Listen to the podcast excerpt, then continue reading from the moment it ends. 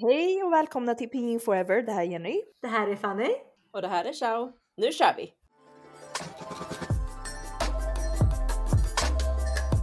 Mitt i semestern guys. Eller mitt Ja, i jag sommaren. började semestern eh, idag.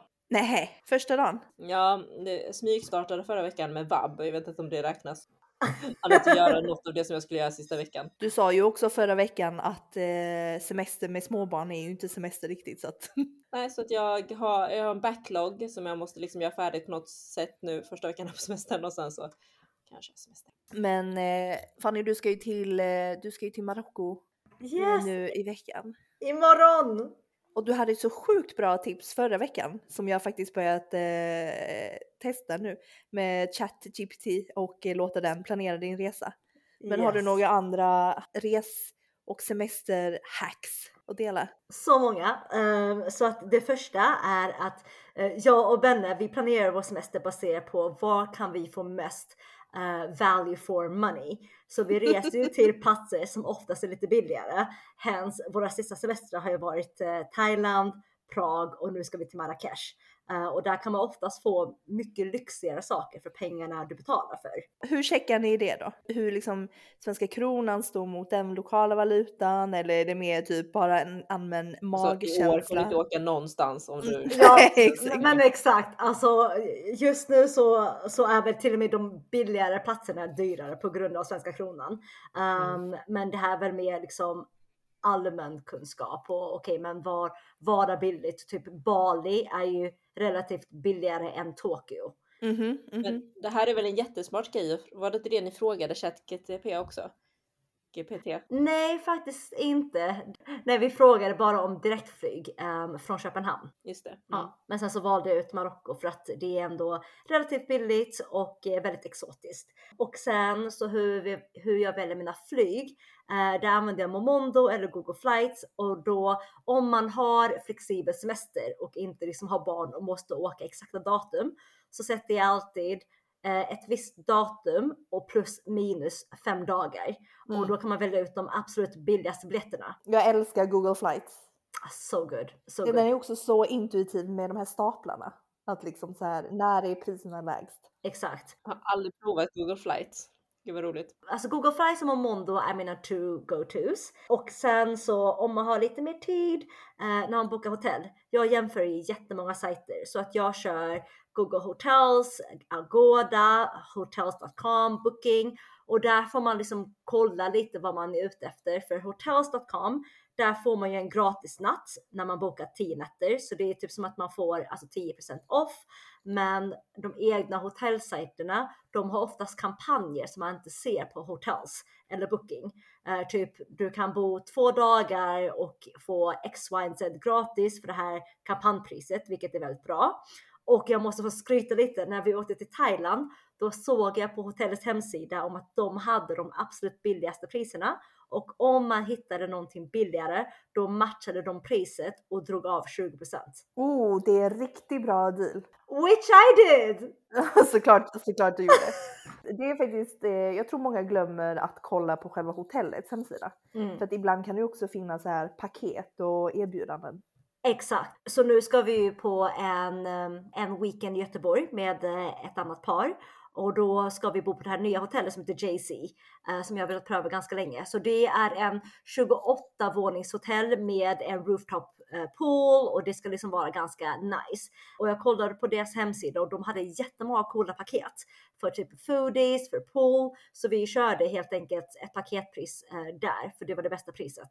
Heter hotellet JC som Beyoncés man? Nej, det heter J-A-C-Y-Z. JC's. Oj, vad svårt. Ja, okej. Mm. Men jag har också ett tips i den kategorin. Så om man har hittat ett pris på typ då hotels.com eller booking, då kan man alltid mejla hotellet och säga så här, hej, jag har det här priset. Kan ni eh, boka mig på ett bättre pris? För att då hotellen brukar tjäna på att du bokar direkt via dem. För de måste ändå ge någon typ av eh, kickback till de här sajterna. Så då kan de ju ibland ge liksom ett så här, ja, mejla tillbaka och bara, ja, men vi kan ge dig det priset plus då något kanske gratis inträde till spa eller vad som. Och, och det bästa med om man bokar med hotell, det är att man oftast får mycket bättre avbokningsvillkor. Jag tycker det är ganska svårt att hitta hotellet som har bäst value for money. Mm. Mm. Men jag, jag brukar lägga ganska mycket tid på att lägga, att titta liksom, läsa kommentarer. Jag med. Gör ni det?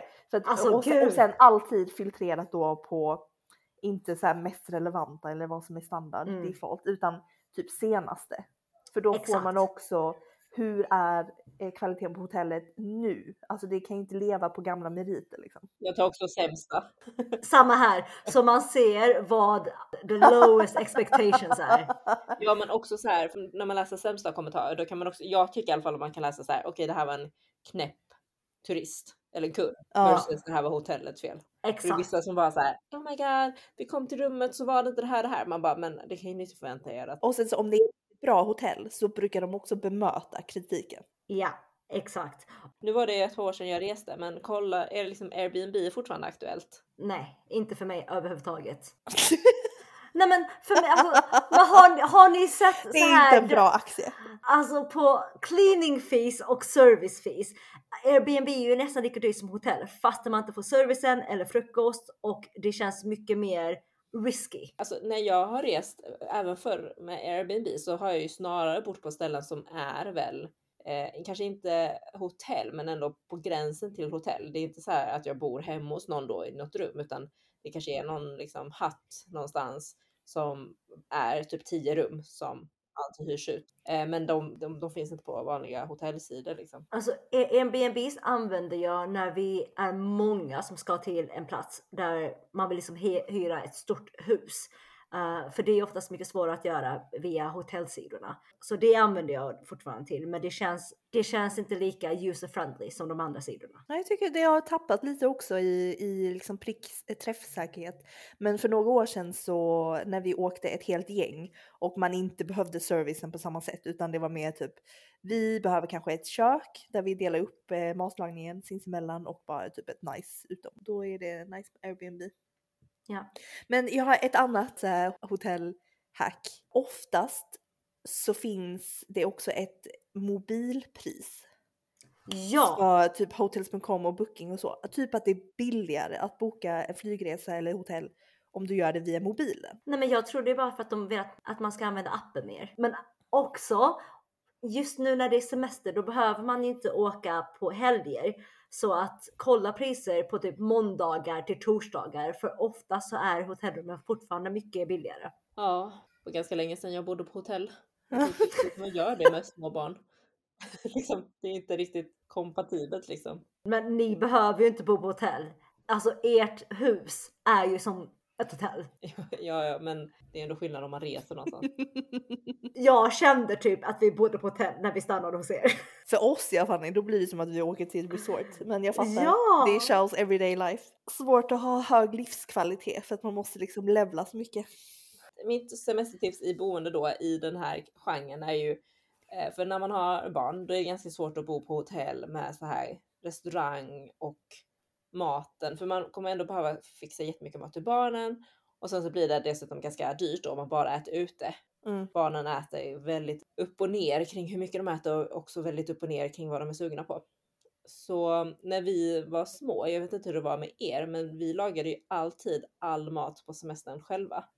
Mm. Gjorde ni också det? Ja, Japp. 100 procent. Jag frågade mamma och pappa, för de är här nu, om det var bara för pengar skull eller för liksom smak, alltså för att de äter ju kinesisk mat bara. Och då sa de att det var minst lika mycket för att de inte tyckte om, alltså att köpa mat ute som att eh, det var för att spara pengar. Mm, så tror jag det var för, i min familj också. Alltså jag tycker det låter ganska mysigt. Nu lagar vi ganska lite mat generellt, utan det är mycket halvfabrikat och färdigmat även i vår vardag. Så att det, på ett sätt känns det ju mysigt att man på semestern passar på att laga lite mat från scratch. Alltså, jag tror det beror på if you enjoy it. För mig skulle jag se det som en duty och en task och det skulle ta från min semester om jag blir tvungen att laga mat. Du känner inte så här Fanny, någonsin att idag ska jag baka ett bröd. Nej, Vad kul. nej, jag, jag, jag kan googla våffelställen runt bla bla bla. Ja, du menar att du kan googla så här, idag ska jag äta ett bröd, hur köper jag det? Exakt. Jag kan romantisera och faktiskt ställa mig och laga, laga en, en riktig liksom sommar, eh, sommarmiddag. Och det ska, alltså du använder verkligen rätt ord. Jag tror romantisera är väl den rätta beskrivningen av det som jag tänker också. För jag har väldigt svårt att se att jag skulle ställa mig en hel. Ja, jag bara, det har inte hänt än och det är redan juli så att Nej. så jag bara maybe not. Jag tror inte jag skulle laga mat under semestern. Dock om jag skulle vara ute och resa i typ en vecka. Alltså jag tror att jag skulle kunna ta med mig lite snabbnudlar som våra föräldrar gjorde och typ äta på hotellrummet. Nej, det skulle du inte. Jo, när jag har riktigt mycket cravings. Typ igår klockan halv elva fick jag lite cravings och då körde jag en påse snabbnudlar. Förlåt Fanny, jag kan inte föreställa mig att du skulle här, ta med dig ett par snabbnudlar till typ Marrakesh. Jo, men alltså vadå, du vet Fanny får ju cravings liksom. Exakt. Tänk så hittar hon inget bra där. Aha, Alltså inte för att hon inte vill lägga pengar på annat utan mer bara för, för att liksom ha craving det nära till hands. Ja. Mm, Okej, ja men det, ja, det, det tycker jag verkar, det skulle jag nog också kunna Jag har inte gjort det någonsin. Men alltså, om jag tänker på det så skulle jag också tycka det var ganska mysigt. Får man lite så här hemmakänsla också när man är utomlands. Alltså kanske inte dumt om du skulle resa med barnen så. Nej. Men är inte de snabblunarna i påse utan de i burk som man bara Ja. behöver hälla över varmt vatten Mm. och sen så och sen så är det klart i två minuter. Exakt, du behöver dock en kettle men det har de oftast på hotellen. Men det gjorde vi med familjen, absolut. Jag har så starkt minne av att liksom, vattenkokaren på ett hotell för mig är liksom inte till för te. Nej. Det är verkligen bara för snabbnudlar. Men det är ändå någonting nostalgiskt i det. Ja, alltså jag älskar det. Och så, så hade vi alltid med oss eh, så här färdigkokta ägg också. Tekokta ägg. Mm. tekokta bara- ägg! Som man bara la i eh, nudel, nudelkoppen. Och sen var det liksom en fullständig. Alltså vi hade alltid med oss tekokta ägg och så hade vi alltid med oss Pappa gjorde så här marinerade kycklingvingar. Ja, Det var så gott. men eh, är det någonting som, alltså jag vet inte, kinesisk mat tror jag många kanske inte förknippar med sommar. Att det, det, det kanske folk inte tycker är så somrigt. Nej. Eller vad tror ni? Jag Nej. tänker typ att många förknippar det med så här att det är varm, att det kanske så varm buljong och typ Mm. ganska het mat och lite så här mycket så här friterat och wokat Ja. liksom. Att det är, ja. Men det finns ett recept som jag tycker är så otroligt gott och alltså det går inte att laga enklare mat och det är då eh, jisu liang mian och eh, översatt till eh, svenska så blir det ju då strimlad kyckling kalla nudlar. Alltså kalla nudlar med strimlad kyckling. Jag var bara tvungen att vända på det. Gott. Och det är liksom basically man eh, kokar eh, kycklingfilé, antingen lår eller bröst i, eh, i vatten tillsammans med lite ingefära och salladslök och, och salt och peppar. Och kokar det tills det är klart, typ 20 minuter. Och sen så river man isär liksom protein, alltså proteinet, man river isär det så det blir så här kycklingstrimlor. Och sen kokar, kokar man lite nudlar, man juliennar gurka och eh, morötter. Och sen så gör man bara en sås med typ så här soja, ostronsås, vinäger, sesamolja, eh, lite socker och lite Mm.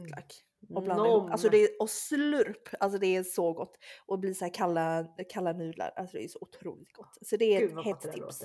Har ni någon sån eh, sommar, sommarrätt? jag vet inte riktigt vad det heter, men det finns de här minigurkorna som man kan köpa som är liksom hälften så stora och hälften så eh, liksom hälften i diameter som en vanlig gurka. Mm. Finns det i Sve- Sverige? Ja, Det minigurkor. finns nu på, finns nu på Ica Maxi typ. Mm. Alltså till och med. Alltså typ slagsgurkor då? Ja precis, Mm. mamma brukar göra det, typ en av mina godaste grejer också på sommaren. Då gör hon antingen bara det ehm, och nu i liksom moderna tider så finns det ett recept där man mosar gurkorna, så det är typ så här mosad gurka. Okej. Men mamma brukar bara skära dem i typ lite klyftor Mm. eh, och sen så blanda med vitlök, vinäger, soja, sesamolja, Mm. lite socker, kanske lite chiliflakes. Och blanda. Klockrent. Så gott. Lite Mm. samma liksom, smaksättning som Ja. för den här andra. Mm. Och eh, annars gör hon det tillsammans med, eh, alltså heter det lianfen också när man gör den här, när man liksom Jag blandar. tänkte precis på det. Det är Alltså hur översätter man det? Okej, lianfen eh, på google, det är mung bean jelly noodles. Ja, Yes. mangbin. Man blandar mangbinpulver med vatten och så låter man det stå. Och så blir det som en stor verkligen gelé som man skär i bitar. Det är så sjukt. Älskar. För det kan man, det, det är ju också gott eh, det här god kall rätt liksom. Åh, så gott. Jag skulle kunna äta den utan, nu säger ännu bättre med kyckling för då får man ju proteinet också. Men jag hade kunnat äta det bara liksom med gurka. Ja, jag håller med. Jag håller med. Samma här. Alltså konsistensen är så himla mysig. jag undrar om alla skulle hålla med. Det är väl kanske det som många känner sig skeptiska mot, men jag som är uppväxt med det, jag älskar det. Mm, ja men det är ju gelé. Det smakar, alltså det är så här, om man föreställer sig hur gelé smakar så är det exakt den konsistensen. Nej men eh, mamma kör nu också någonting liknande fast istället för gurka så kör hon eh, sjögräs. Mm. Mhm. också så gott. Väldigt, väldigt gott och då har hon i sojavinäger, chili, koriander och massa chiliolja. Alltså kan inte go wrong med den smaksättningen. Nej, men alltså jag tror det är liksom basen typ till allt. Ja, verkligen. Mm.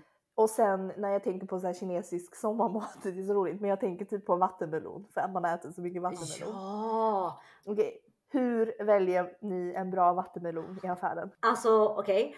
Man, Bå- måste, man, Båda räcker upp handen. Vad jag vill svara. man måste klappa på den och det måste liksom vara lite så här dum dum. Alltså att den liksom nästan så här Bara det här ljudet som Fanny gör nu så försöker ni. Nej men vi har haft tre olika metoder. Dels så då slår man för att det ska låta, det ska låta lite ihåligt och inte för vattnigt. Det ska inte låta som att den är fylld med vatten utan det ska låta lite ihålig. Det måste finnas en resonans. Ja, och sen ska den vara ganska ful har jag för mig. Så här, det här gula som att den är legat nära marken liksom. Och, och, och många så här sår. Ja, det, det ska Ja. vara spräcklig. Typ välj den som är mest ugly. Men med detta i mind så har vi försökt äta vattenmelon här. Vi köper ju det även utan mina föräldrar då, eh, liksom jag och min familj. Eh, inte lyckats köpa en enda god och så kommer mamma och pappa hit och bara levererar god vattenmelon efter vattenmelon efter vattenmelon. Oh. It's an art. Mm. Men jag har hört också att den ska vara rund för de ovala är manliga och de runda är kvinnliga och de kvinnliga är sötare. Well. You can google this, I'm not really sure about my sources men eh, jag har läst det någonstans. Men eh, vi gjorde en jättekonstig grej här igår, eller Mats var det ju såklart som initierade. Det var ingen av oss andra som hade föreslagit det, men han grillade vattenmelon. Har ni provat det Va? gång? Nej, Man skär det i skivor och så grillar man det så som man grillar en filé typ. Det låter What? jättekonstigt. Alltså utan smaksättning? Eller vadå? Utan Bara- smaksättning. Okej. Och det sjuka var att den smakade, alltså man kan tänka sig så här, ja, men vad tror ni den skulle smaka om man grillar en vattenmelon? Typ, Men typ lite rökig. bränt. Ja, lite rökig. Ja, Jag tänkte att den skulle vara mer söt. Nej, jag tänker typ att eh, lite vätska försvinner liksom. Ja exakt, den, den blir typ lite slapp. Nej, det, det var det det inte blev, utan om ni föreställer typ eh, tonfiskfilé Ja. som är så genomskinlig och lite så, den är inte slapp utan den är ganska fast. Mm. Så blev den och smakade också, inte åt tonfiskhållet men typ. För vi hade veganer här på besök och de bara, ah okej men det här skulle kunna ersätta liksom lax eller tonfisk. Men har ni sett att det finns vissa recept som barbecuar vattenmelon som proteinet i liksom Ja. burgare och sånt? Det är det här jag menar och det var helt mindblowing för det smakade så speciellt. Det var ingen sötma kvar. Det var liksom så här en konsistens som typ en tonfiskfilé och smakade även lite så här fishy typ nästan. Coolt. Okej. Men ni borde kanske ha ätit den som savory, att ha liksom lite barbecue-sås på den. Ja, det kan jag tänka mig. Om man hade liksom varit lite så här soja och sesamolja på, då hade den kanske blivit skitgod. Vi åt den ju utan smak alls. Jag, ville, jag tog en tugga och ville inte smaka mer för jag bara förstör hela. Vattenmelonen, ja det känns lite... Okej, men jag blir, jag blir ändå intrigued att eh, testa. Ja, men en annan grej som vi gjorde mycket när vi var små, det var ju att vi åkte ju alltid väldigt mycket, vi, alltså ganska stora gäng. Eh, minst två familjer, men ofta kanske liksom tre, fyra familjer i samma område. Sen så kanske man bodde ihop två, två familjer. Mm. Liksom tre, fyra familjer var det också ibland. Mm. Det, nej. Jo, Jo, jo, alltså jo jag... jag bara, jag Fanny. Jag bara, och Jenny! yes, vi har åkt på resor. Så många, Ja. så många resor ihop. Precis, ja men ni två åkte ju ihop och så åkte ju jag tillsammans med en annan bekant till oss, eh, Soso, eller en kompis till oss. Bekant. Ja. Bekant känns... Man bara... Ja, nej, hon är verkligen typ eh, en av mina bästa kompisar. Men ja. Och då så eh, tipset då är ju också då när man har stor familj att man hittar någon som barnen kan leka med själva och så har man vuxna som man kan spela kort med eller leka annan typ av lek som inte kräver varken eh, tillbehör, alltså kort behöver ju kortspel, men det packar man ju. Det tar ju noll plats. Det är inte en boll eller liksom något eh, supp eller eh, kajak eller vad som helst. Nej. Mm. Också att det enda man behöver underhålla med är typ sittplatser och snacks. Men alltså det är briljant. För att så var det ju alltid. Ett år så försökte jag, eller jag lyckades faktiskt få med Jenny och spela kort med oss. För att hon är en people pleaser och vi behövde en person. Så att eh, den semestern så spelade hon, men annars så brukar det vara våra föräldrar. Och sen så brukar typ vi sitta och kolla på Discovery Channel. Ja, till Fannys förtret. Ja, det där var ju era semestrar då. Jag och Sosso var ju in the game. Men jag var Men ju in var the det game. också. Fanny var också det. Men gud, vad gjorde du då Jenny? Eh, men eh, det var, jag hade det nog ganska bra. Käka, jag käkade snacks. alltså jag kommer ihåg när vi åkte på språkresa, för då var vi ju fyra barn som åkte ihop, bland annat mig och Jenny. Och första dagen som vi åkte, eh, då spelade då våra föräldrar kort. Alltså till, till gryningen. Hur vet du det? För att de sa det hela natten. De firade att vi var borta. LOL. Ja, men det tycker jag är ändå så här kul tanke för att nu, alltså i hela min, mitt vuxna liv har jag ju bara åkt på semester där, det, är- där semestern är en underhållningsplats. Mm. Man åker till ställen där det finns mycket sevärdheter och grejer. Ja, som man kan upptäcka liksom. Ja, precis, men våra föräldrar, det är klart att det fanns ju grejer att göra på de ställen också, men många av de semestrarna som jag minns var bara att vi åkte till en vacker plats, typ skärgården någonstans, hyrde en stuga och sen så föräldrarna och vi spelade kort hela, eller så man liksom bara hängde hela dagarna. Men alltså det är det vi fortfarande gör. Vad tror du vi gjorde i Thailand med mina föräldrar? Vi satt i mammas hotellrum och spelade kort. no joking! Det är också, nu har ni betalat för det här hotellet så det är väl så man utnyttjar att man Exakt. Best value Maxar. for money. maxar. Exakt. Vi, men alltså det, det, det var också jättesjukt för att vi var i Thailand och mamma hade då havsutsikt så att hon kunde se havet från sin säng. Så jag, pappa och Benne försökte dra med henne ut i poolen varje dag och hon bara varför ska jag gå utanför mitt rum när jag har den bästa havsutsikten när jag ligger i sängen? och, Min mamma och hade bara, ett eget rum. Nej nej med min pappa men, Jaha, men ja. Din pappa vill ut. obviously. Exakt, så jag sa till pappa, jag bara från, från och med nu så bokar vi bara in hotellrum till er två utan fönster i typ någon källare. Det är enda, enda sättet att få ut mamma från sitt rum. ja, alltså I'm with her. Shit vad härligt att bara ligga i sängen och titta på havet. LOL. Jag är liksom lite uppfostrad i liksom hinna med så mycket som möjligt. Vi har inte varit på så mycket semestrar där man bara hänger på, hänger på ett ställe. När, när bara är min familj, då är det typ okej, hur ska vi hinna se så mycket som möjligt på så kort så Men det är för att ni inte tid? spelar kort. Jo, hennes föräldrar gör, men när det bara är de två så kan de inte spela kort. Men jag måste faktiskt erkänna att de semestrarna vi spenderade med er var nog våra mest aktiva semestrar. Exakt! Då vi såg mest sevärdheter. sticker av. Men alltså jag minns det så tydligt att eh, det, det var faktiskt inte med dig Fanny, men en vintersemester faktiskt, då vi var i Aten med två andra familjer. Och då, då hade vi eh, checkat av typ de största sevärdheterna med, med alla familjerna. Och sen så på hemvägen så, så hade min pappa markerat ut ett sista museum som han eh, hade på sin to-do-list. Och så kom vi fram dit, men då var vi alla ganska trötta redan och eh, det var ganska högt entrépris. Men det var gratis för barn under 18. Så vad pappa gjorde då var att skicka in mig och de andra barnen och Allan så att vi kunde, nej jag tror inte ens jag följde med in. Jag tror det var gratis för typ Allan och Nicke, alltså typ vår, vår familjevän. De skickade in dem med en kamera så de skulle ta lite bilder. alltså vilken sjuk hustler mentality! Och så bara, jag tar lite bilder, okej we get the point, nu, kan- nu kan vi gå. Love it, love it. Det slår an på exakt alla rätta ställen i mitt så här hustlerhjärna. Eh, Alltså jag tycker det där låter så rimligt.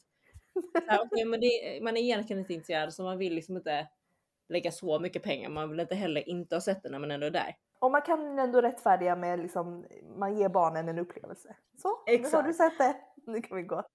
På tal om det, vad är, liksom, vad är det ni gör under sommaren och semestern som är mycket value for money? Alltså min bästa just nu, det låter skitkonstigt men vi har ju flyttat väldigt mycket senaste åren. Så att jag hänger ju mycket på så här Facebook Marketplace och Blocket och auktionssajter.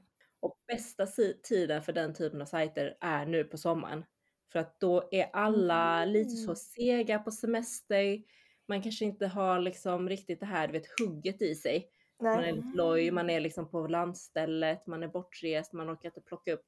Men det är jättemånga som lägger ut för folk är också hemma och rensar ut grejer och liksom. Nice! Ja, så att mitt bästa tips om man säger så här best value for money. Det är i den här tiden på året, lägg ut en bred bevakning. Nu letar jag då efter till exempel en eh, De Buyer, jag vet heter det? Jenny? Bouillet. De Bouillet stekpanna eller set. Då lägger jag det som bevakning över alla kategorier och hela Sverige. För att man kan inte lita på att folk lägger upp sina annonser i rätt kategori. Ah, smart. Och så har jag det bara på mina favoriter är då Facebook Marketplace, Blocket och Auctionet. Är Väldigt bra tips. fantastiskt. Mm. Inte hur mycket grejer jag har fyndat på sommaren som jag säger det här skulle annars ha sålts liksom mycket dyrare men det är bara för att det är, folk vill bli av med det och så är det lite så här tajt om tid. Och så man är lite flexibel. Nu har jag varit hemma också alla somrar då eftersom vi har små barn. Så kan man liksom fynda. Jag kan verkligen tänka mig det att på sommaren så tänker man så här, äh, äh jag orkar inte ta det. Jag typ, jag måste, i så fall måste jag gå och hämta det nu. Jag tar det senare. Det kommer fler chanser typ. Tror jag. Men det gör det Så- inte. Så, sommarmentalitet. Jo det gör det men det kommer kosta dig mer. Ja. Ja. Älskar det här tipset. Jag köper ju alla mina växter på Facebook Marketplace.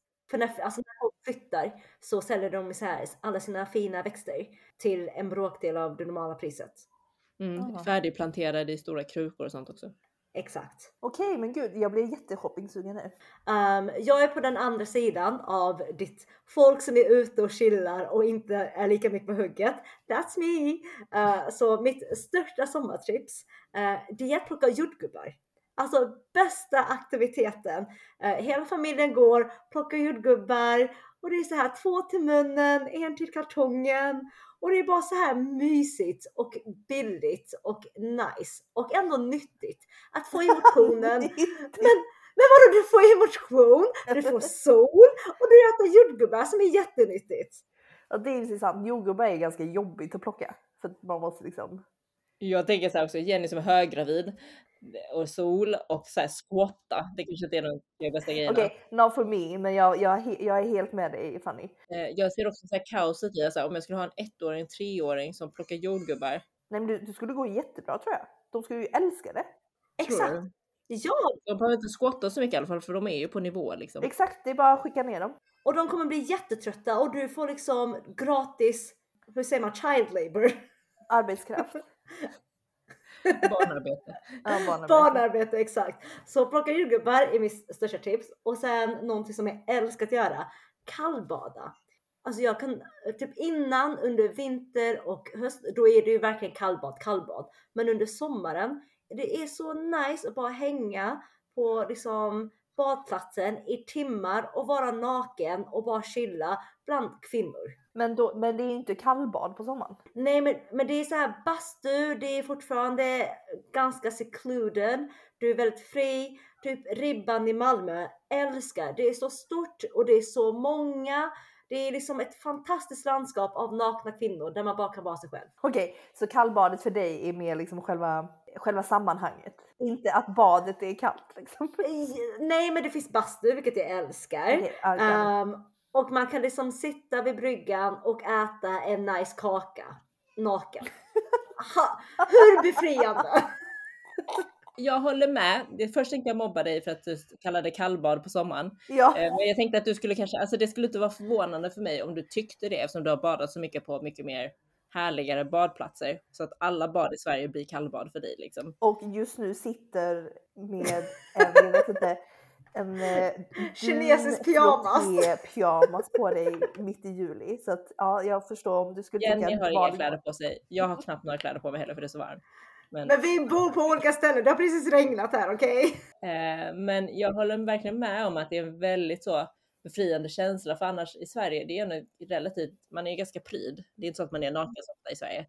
Och då är det en väldigt befriande känsla att gå runt i liksom helt badhus när man, så här, man går och duschar, man går och badar lite, man kanske tar en kaffe, bara helt naken. Exakt, exakt. Och jag tycker det är så himla hälsosamt. Alla tonårstjejer borde gå till kallbadställen för att se att alla kroppar är fantastiska. So um, that's my go-to places. Okej, och sen har jag en kategori som heter lite så här, man är utvilad men behöver lite stimulering. Eh, och det handlar mycket om media och eh, innehåll. Underhållning. Mitt favoritunderhållningsmedium, kan man kalla det så, är ju poddar. För jag Mm. tycker att det kräver minimalt engagemang från min hjärna men jag får ändå maximalt stimulans av innehållet. Mm. Jag vet inte, har, vad har ni för favorit eh, med, medium? TV. Ja, på sommaren är det nog ändå... ah, Fast, ja, Då jag- måste man ju anstränga sig och titta hela tiden. Nej, det måste man verkligen inte. Man Det beror på sådär- serie. Ja, Men den här kategorin för mig är också så här tidsfördriv, absolut. Men jag tycker ju också om underhållning där jag lär mig något. Jaha, ja. Där gud, jag, ja. där, self improvement. Mina tips i den här kategorin är bara det Jenny. Så att mina favoritprogram på sommaren, det är inte Sommar i i P1. Jag tycker de kan vara lite, alltså det kan vara väldigt svårt att lyssna beroende på vilka det är som gör det, väldigt Ja. varierande kvalitet. Mm. Men det som Mm. alltid håller jättebra kvalitet, det är P3 ID. Jag vet inte om ni har hört talas om det? Mm, mm. Nej. Det är samma, har du lyssnat på P3 Historia? Det handlar ju om olika historiska personer så går man igenom hela deras liv från födelse till död och sen deras legacy som de efterlämnar. Wow, cool. Mm. Jättebra. Det är också jättebra. Men P3 Dyringe. är då samma sak fast om kontemporära personer. Coolt. Och mitt favoritprogram är om eh, Martha Stewart till exempel. Den vill jag lyssna på. Sen älskar jag också alla andra P3-programserier som eh, P3 Dystopia som handlar om olika dystopier i relativt när, nära framtid. Som att AI skulle ta över eller Ja, det är lite läskigt dock. Ja men det är ändå så här, det är underhållande och educational precis som du tycker Jenny. Nej men jag håller med. Jag älskar Peter Dystopia, särskilt de tidigare avsnitten. eh, Med typ så här svält eller om vattnet skulle ta slut. Sjukt eh, ögonöppnande. Och sen så sitter det också P3 Dokumentär tycker jag också är. Det handlar om, ofta om stora historiska händelser, ofta brott. Typ terrordådet på Drottninggatan. Gud vad intressant det här är. För att jag var ju en gång hos, på en kurs i New York på hur man, hur man lär sig. Nej, men under den här kursen förstod jag att jag var en väldigt visuell person och det var så jag lärde mig för att jag måste se det framför mig. Mm. Eh, så att jag kan typ inte lyssna på poddar. Jag tappar fokus jättelätt. Eh, så att jag lär mig genom att se saker och ting. Så att det jag gör det är att jag kollar på massa dokumentärer på Netflix. Ja, fattar. Jag fattar. Jag, jag är liksom någonstans eh, mellan er. Så att, men du, då lyssnar du på snackepoddar Fanny? Alltså jag lyssnar väldigt sällan på poddar. N- när jag Okej. går ut och promenerar då brukar jag ringa kompisar. Och när jag inte får tag på någon kompis då typ går jag. Ja, okej. Mm. För Jag kan lyssna på poddar när jag jobbar och när jag typ åker till och från jobbet. Alltså jag kan typ inte titta på dokumentär för jag somnar alltid. För då är det liksom inte tillräckligt spännande. Mm, jag har faktiskt två poddtips som är lite relaterat till Kina. ehm, Nice. Som jag lyssnar på eh, veckobasis. Och Mm. en är, eh, inte P3, men det är P1s eh, Kina-podden. Okej. Har ni lyssnat på den eller? Nej, vad handlar den om? Det är egentligen en så veckoaktuell nyhetspodd om Kina. Okej. Som är med Sveriges Radios Kina-korrespondent och lite Mm. andra gäster oftast. Dels så tycker jag alltid är så imponerande med eh, svenskar och i det här fallet då svenska journalister som är eh, så bra på kinesiska. Och man märker också att de kan så mycket mer om Kina eh, än vad man själv kan för att de har bott och levt där liksom, och kanske till och med är gifta med en kinesisk partner och liksom är mycket mer insyltade i det livet än vad man själv är. De studerar ju också det på ett annat sätt. Ja exakt, typ när de ska uttala namn och liksom politiker och liksom förklara hur kinesiska samhället funkar eh, så är det ju, ja det är en väldigt bra podd, eh, Kina-podden. Och sen så finns det också, The Economist har också en podd som heter Drum Tower som är med deras korrespondenter i Taiwan och eh, respektive eh, Beijing Okej. där de eh, diskuterar, inte så mycket ny, liksom, aktuella ämnen, men mer typ vad händer med den åldrande befolkningen i Kina? Liksom vad, vad, vad är konsekvenserna och liksom vad, varför är försvarsbudgeten högre än någonsin etc. etc. Så den, är, den är också jätte, jätte lyssningsvärd tycker jag. Så två, två poddtips som har med Kina att göra. På den fronten, jag lyssnar inte så mycket på poddar men min favoritaktivitet är faktiskt att läsa under sommaren. Alltså jag älskar att bara sitta med en bok och bara läsa, läsa, läsa. Du sa ju precis serier. Nej men alltså- alltså serier, ja men under sommaren. Så, för att jag vill ju oftast vara ute. Jag får ju dåligt samvete när jag sitter inne när det är bra väder. Ja, och det är inte så himla många timmar som är mörka under sommaren. Jag spenderar nog faktiskt mer tid på att läsa än att kolla serier under just sommaren. Sen under hösten så switchar det över. Men jag har några böcker som jag starkt kan rekommendera. Mhm. Eh, en serie som alla vet om, men om ni inte har läst det så måste ni. Crazy Rich Asian. Eh, jag läste dem för typ 10 år sedan, men de är så bra och det är väldigt bra karaktärsutveckling.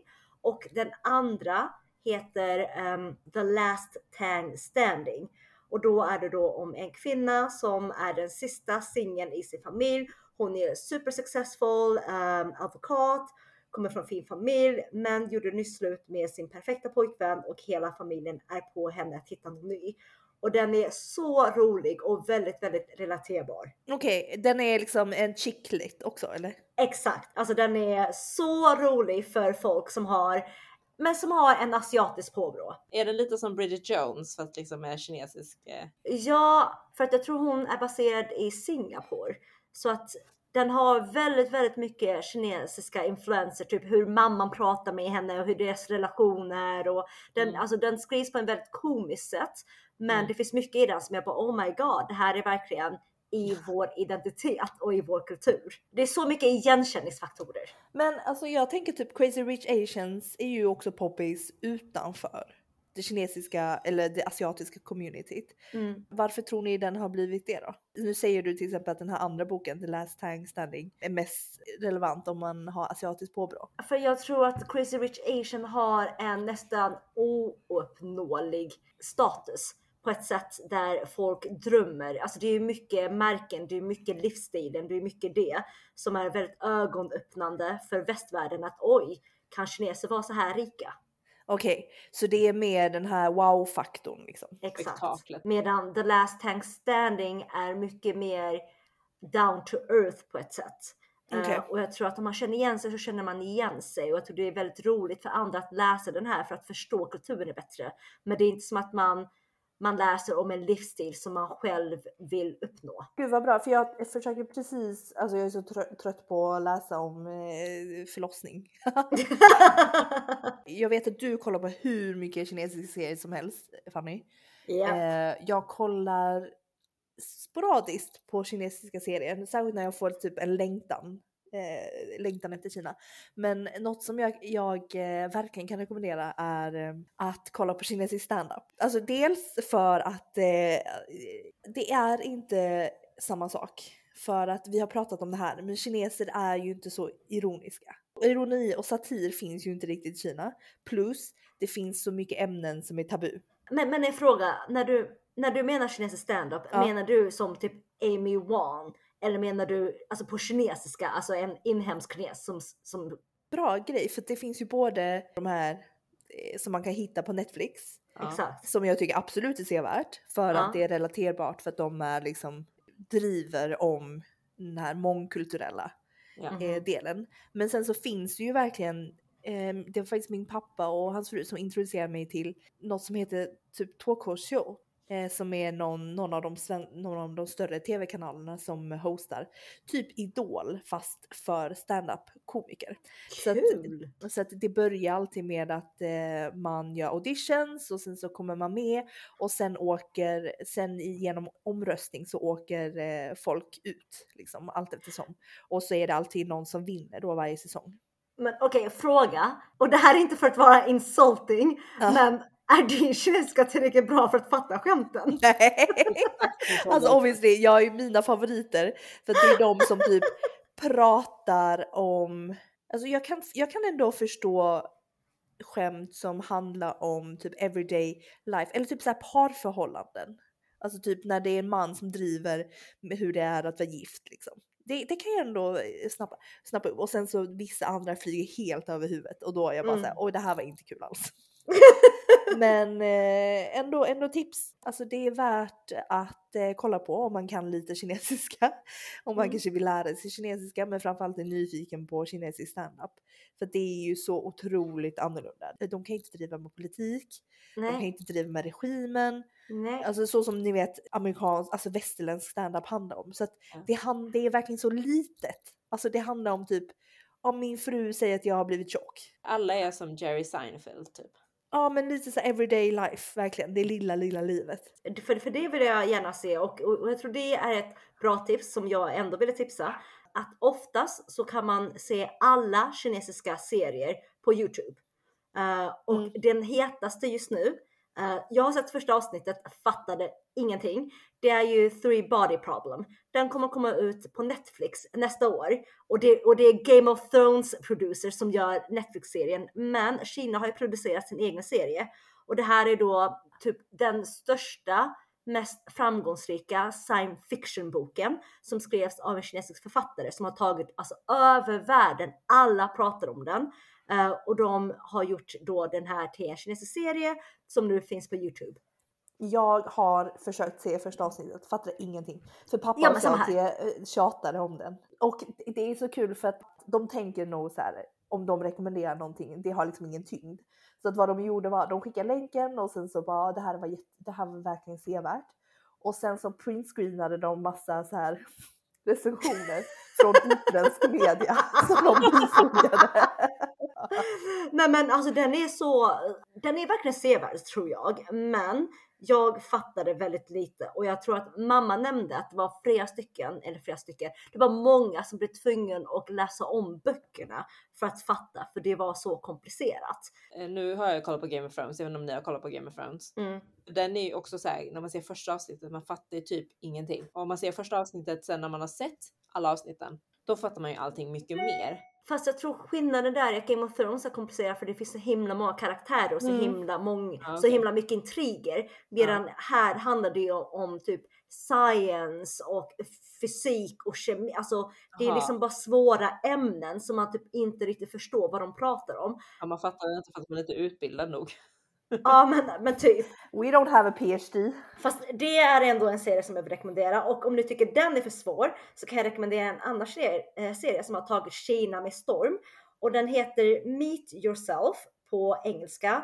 Och Ty Yo Feng Trade Difan på kinesiska. Som handlar om en tjej som spelas då av Liu Yifei. Eh, hon som spelade Mulan, hon är Mm. jätte, jättestor.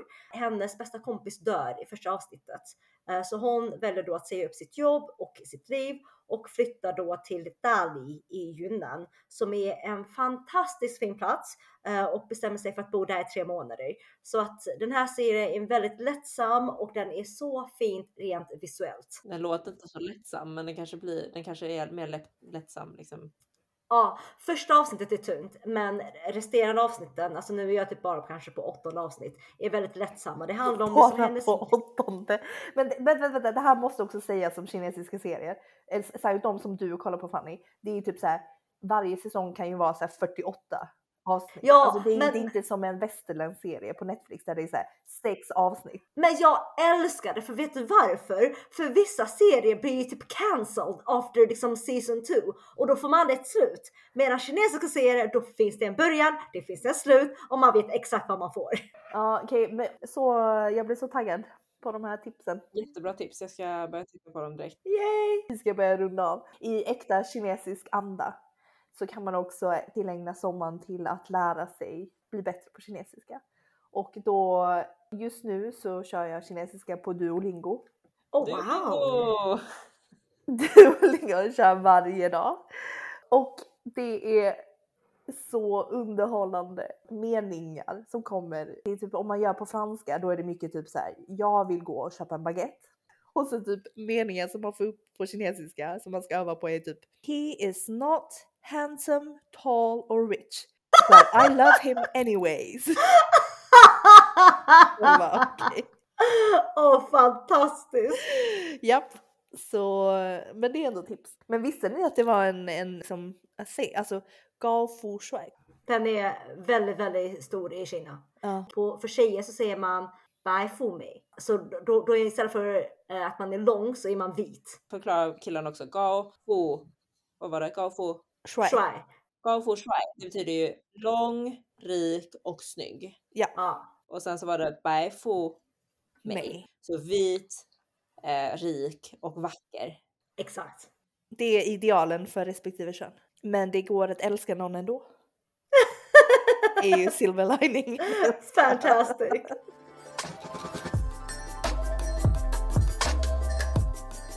Ska vi köra fem snabba snabbt? Okej, väldigt snabbt för sommarentertaining. Film eller serie? Film. Film.